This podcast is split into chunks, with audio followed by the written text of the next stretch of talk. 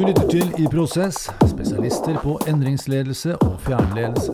Mitt navn er Tor Berntsen. Verden er i endring, og vi er opptatt av å utvikle lærende organisasjoner som er i forkant av utviklingen i samfunnet. Fremtiden kommer ikke, og vi går ikke mot den. Fremtiden skapes av vanlige mennesker hver dag. Og i denne podkastserien vil vi dele våre refleksjoner om hva slags fremtid vi ønsker. Med meg på telefon i dag har jeg Gunnar Hovland, konsernsjef i Tine. Velkommen, Gunnar. Takk for det, ja. Du, Åssen er formen? Er du frisk og rask? Jeg er frisk og rask, vet du. Stått opp på hjemmekontoret og sitter og ser utover Trondheimsfjorden. det er ikke så gærent. jeg skal innrømme at jeg eh, savner kollegaene og litt uh, samvær. Så du mister litt av den her energien som er i folka når du bare forholder deg til på telefon og på Teams og Skype. Men det, det fungerer jo rett og slett uforskamma bra, da, må jeg si det. Du, Fortell litt om din rolle og arbeidssituasjon i dag. Jeg er konsernsjef i Tine, som har 9000, 9000 sjefer kan du si, gjennom melkebøndene som er rundt over hele Norge. da som eier meg. Uh, og Tine er et selskap som har virksomhet uh, både i Norge og i fire-fem andre land. USA, England, Irland og Sverige bl.a. Ja.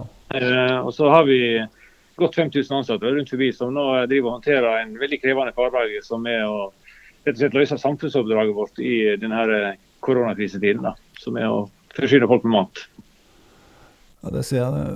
Jeg ante ikke at det var så store, at det var så internasjonalt. Nei, altså Vi omsetter jo faktisk nå mer eh, i, i antall tonner så omsetter vi mer, mer ost eh, utenfor Norge nå enn i Norge, faktisk. Så Vi har en betydelig virksomhet i USA som sagt, og i England og Sverige spesielt. da. Det er de landene som vi er i. Ja. Vi lever i en spesiell tid, og det er sikkert mange generasjoner som har sagt akkurat den setningen før meg, men uh, la meg komme med en liten oppsummering.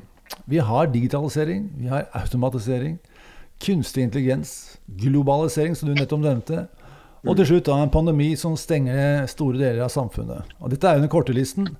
Eh, kan du si litt om hvordan dette preger Tine?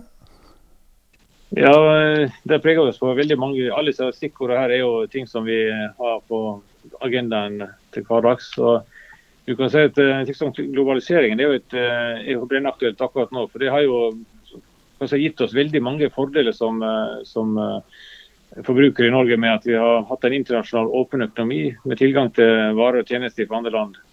Og så ser vi at Når sånne ting som pandemien står inne, så plutselig så får vi litt flipsiden av at vi har gjort oss avhengig av, av andre land på vesentlige varelinjer. kan du si. Sånn at Når har hatt smittevernutstyr f.eks., eller en del innsatsvarer, så sitter vi plutselig og rett og slett konkurrere om varer som, som du ikke har kontroll på sjøl.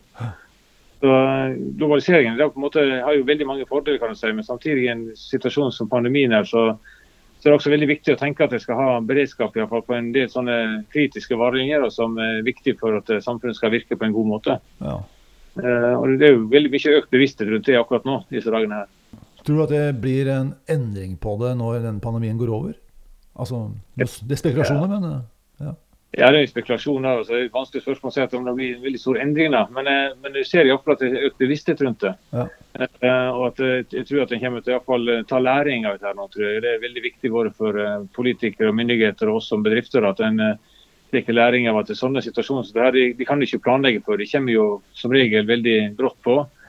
Og Hver gang det skjer sånn, så tenker du at dette du ser jo kommentarene sånn, dette er verre enn vi noensinne kunne trodd. og Dette var ikke noe vi kunne planlagt for. Det, det, er jo sånne ting vi som ledere faktisk er ansvarlig for å sørge for at vi har en viss beredskap på. Ja. At når det uforutsette skjer, så har du fortsatt faktisk tenkt gjennom det og har beredskapsplaner for å håndtere på en god måte. Da, sånn at uh, samfunnet kan gå videre og vi kan, uh, vi kan fungere som, uh, som, maskineri, kan si, selv om, vi, om det uforutsette skulle skje. da. Kriser og krevende situasjoner som vi er oppe i nå, da, det, det, kan lett få oss til å stoppe opp og tenke litt store tanker som ja, hvorfor gjør vi dette, hva vil vi egentlig? Hva slags framtid er det vi ønsker å skape. Og som mennesker så gjør vi alle dette innimellom i løpet av et langt liv. Eh, men som leder så er det jo en naturlig del av rollen. Eh, selv om mm. perspektivet og tidshorisonten kan variere. Mm. Eh, men vi trenger at ledere skaper framtidsbilder som gir håp og motivasjon i hverdagen. Så mm. jeg vil gjerne utfordre litt da, på det helt store bildet. Altså, Gitt krisen og alt vi er oppe i nå, hvis vi ser litt stort på det du kan få lov til å ombestemme deg anytime. Ehm, hva slags framtid ønsker du deg for Norge og Tine om f.eks. ti år? Er det mulig å si noe om det? Eh, ja, det er, jeg tror iallfall det er veldig viktig at en tenker gjennom det. Og at en har et reflektert forhold til det en ønsker, sånn at en på en måte styrer mot det en ønsker og tar styring på det sjøl så langt det går an. Og ikke bare la måte, situasjonen bli sånn som den blir. Det tror jeg er veldig viktig. Ja. Eh, som på generelt plan. Og så må jeg si Det er ganske artig eh, det som har skjedd nå disse her, eh, denne måneden vi har sittet med pandemier. Sånn. For eh, på et vis så har vi sett at veldig mange flere er blitt bevisste hvor viktige vi er for hverandre. Det er ene delen som på en måte har lært meg. Du ser på en måte folk som klapper for sykepleierne. Sant? De mm. klapper for lærerne. Og bøndene har fått et helt nytt syn på seg sjøl sånn, som samfunnskritiske. Eh, i matforsyningen. Eh, og dette er, dette er, veldig gode ting, tenker jeg, det som har skjedd der. At vi får bevissthet rundt hvor viktige ulike funksjoner i samfunnet er for hverandre. Eh, det ene delen som jeg tenker vi kan ta med oss litt videre. Og så tror jeg at det, Den viktigste delen for oss som ledere er at jeg tenker iallfall at, at både vi som ledere og personer kan si, generelt har en, har en filosofi i bunnen om at vi skal være bedre i dag enn vi var i går. Og vi skal være bedre i morgen enn vi er i dag på veldig mange forhold. Og det er, dette er på en måte litt uh, eh, DNA som ligger til bunn i sånne virksomheter som vi driver sant? Vi er virksomhet som har eksistert siden 1856. Og det er Årsaken til at vi har eksistert siden 1856, sant? er at den filosofien der, den, den har ligget både ute på gårdsbruka, at du skal levere gårdsbruket til neste generasjon i bedre tilstand enn du selv overtok på. Uh, og vi skal levere på en måte bedriften i bedre tilstand til neste generasjon. Og jeg tenker også for politikerne og for de som styrer og sånt, at det er litt, hvis du har mindset inne at jobben din er faktisk å levere samfunnet også i en bedre tilstand til neste generasjon i dag, så, så på en måte gjør du jobben sin både nå og om ti år. Det er veldig vanskelig å planlegge for hva som på en måte skal være det ideelle verdensbildet om ti år. Men, men, hvis du alltid tenker på at du skal gjøre faktisk sånn at du er bedre i morgen enn i dag, så, så har du iallfall rette mindset, tenker jeg. Ja, det er jeg helt enig i. Og det er jo altså at forbedring og utvikling alltid er en del av måten vi tenker på å jobbe på. Det er, det er viktig. Det er ekstremt viktig, tenker jeg. Si litt om dette kontrasten eller dynamikken kanskje mellom det å være, gjøre noe bedre, men samtidig ta vare på ting. Så Du nevner at det er en gammel historie her. Og, og noe av verdiskapning er jo også å holde fast ved det som fungerer. Og av, av, og til kan dette oppleves som motsetninger. Av andre ganger så er det er det mer et samspill? Eh, noen, noen tanker om det? Jeg, jeg tror at, eh, at, jeg skal passe seg for sånn nostalgisk forstoppelse. Altså at du på en måte eh, vare på bare for å ta vare på. Men jeg, jeg, tror veldig mange ting som er bra da, kan man si, med samfunnet i Norge i dag, eh, skal vi ta vare på. For det, det grunnleggende hos oss som, er, som handler om tillit, f.eks. Eh, som er en veldig sånn sterk norsk verdi.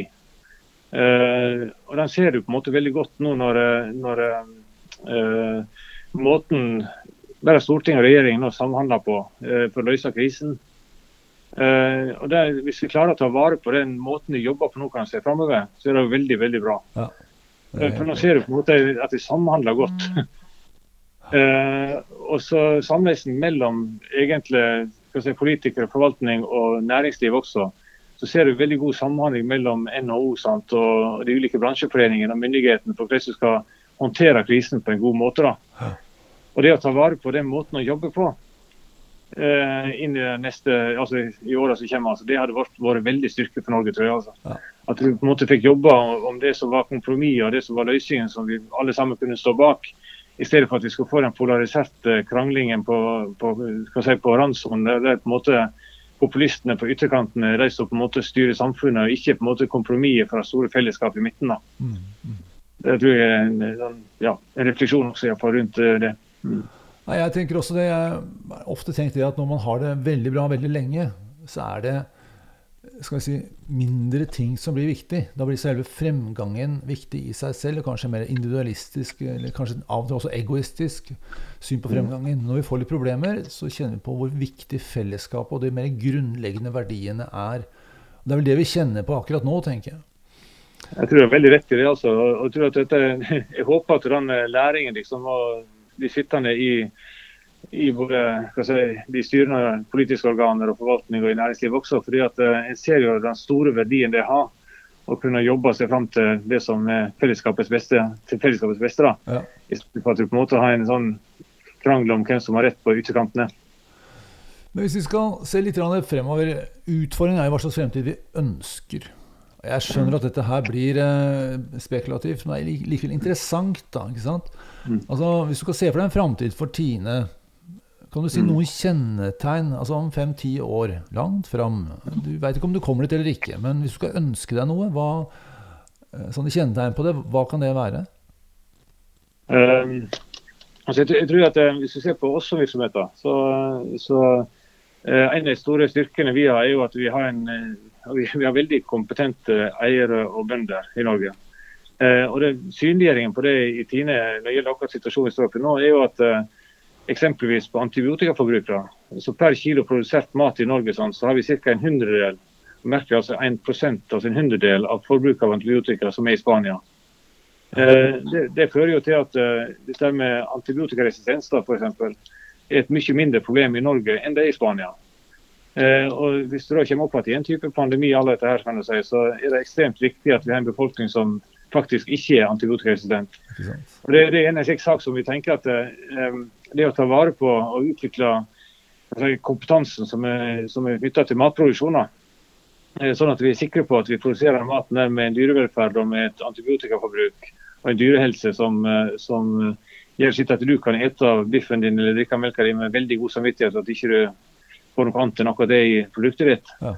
Uh, og at uh, de som, de dyra som er utførsant, ikke er resistente mot en masse antibiotika. Det er òg en veldig viktig del tenker jeg, når vi, vi ser på om tiåra at vi klarer på en måte å videreutvikle den styrken som vi har der. Det handler om bruk av kompetanse altså, uh, og om og teknologi, og at markedet også på en måte får ta del i det, sånn at de skjønner hva det, det, det vi driver med. Ja.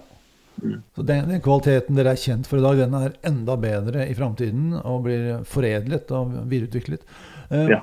Ser du for deg at dere er større, mindre Er det veldig annerledes enn den måten dere gjør ting på i dag? Hva tenker du om det?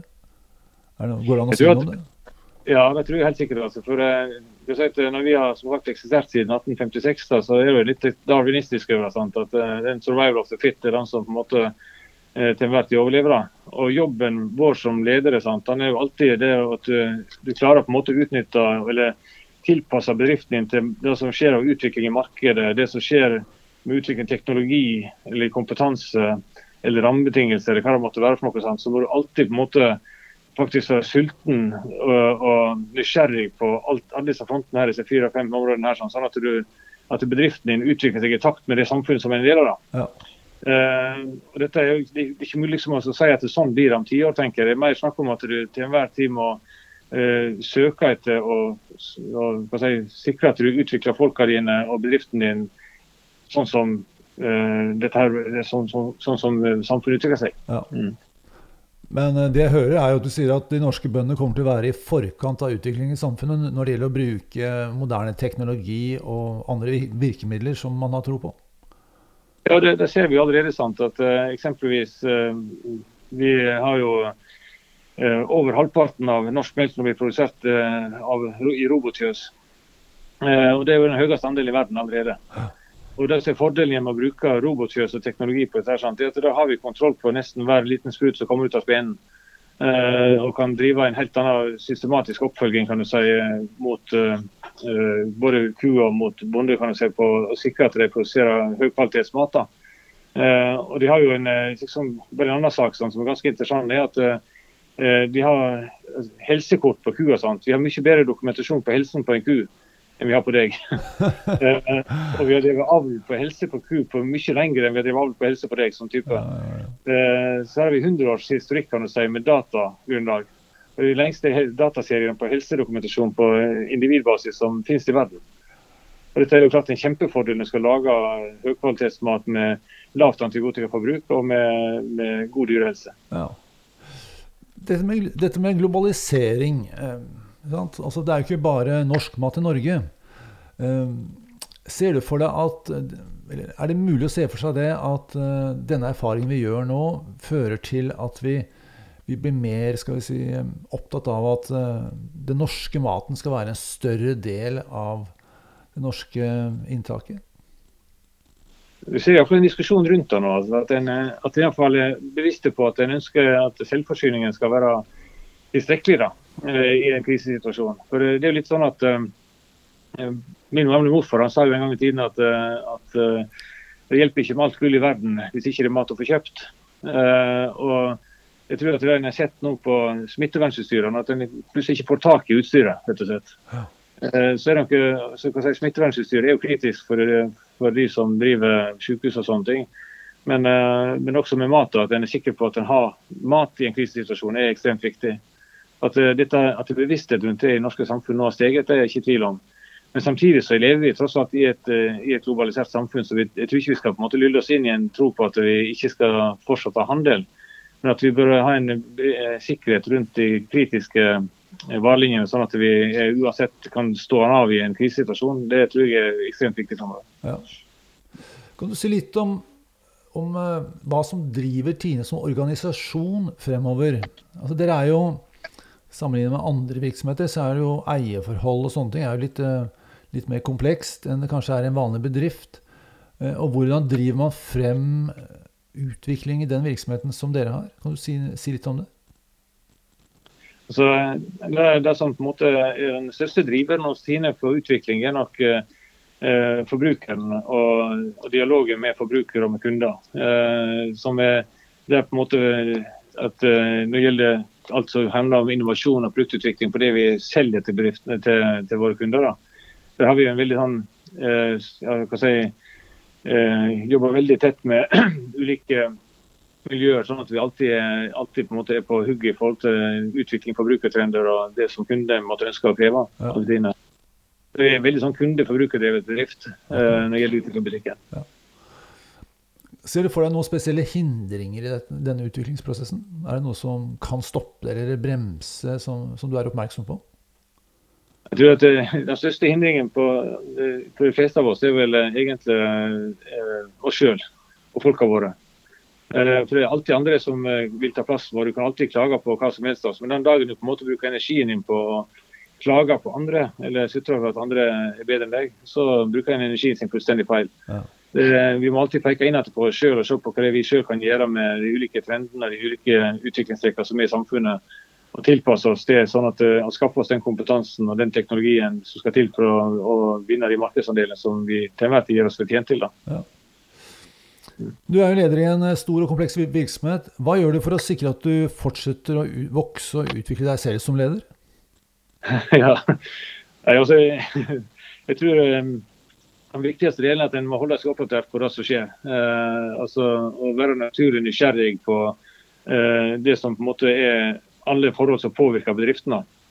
Eh, det er liksom ene delen som jeg bruker i hvert fall mye energi og tid på sjøl, på fritid og på jobb. Og så eh, tror jeg kanskje For meg eh, så er det også ekstremt viktig at jeg har folk rundt meg som er flinkere enn meg sjøl. Når jeg ansetter nye folk her, så ansetter jeg folk som kan mer enn meg sjøl på de ulike områdene som Tine skal takle.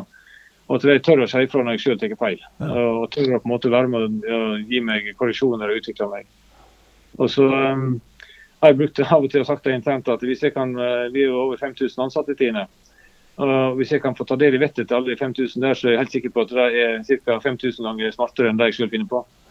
Så, så eh, Derfor så prøver jeg så godt jeg kan liksom å få del i på en måte, kunnskapen som er i alle disse ordene som er rundt i Tine. For eh, jeg lærer veldig mye bare med å være med en lastebilsjåfør for eksempel, ut i butikken og se hvordan han håndterer på en måte Eh, logistikken inn i butikk og dialogen med kunden, og, og, og plutselig tar med oss det tilbake til bedriften. da, for ja, men jeg er veldig veldig enig med deg i at innovasjon det er en hverdagsaktivitet som skal skje blant vanlige folk. Mm.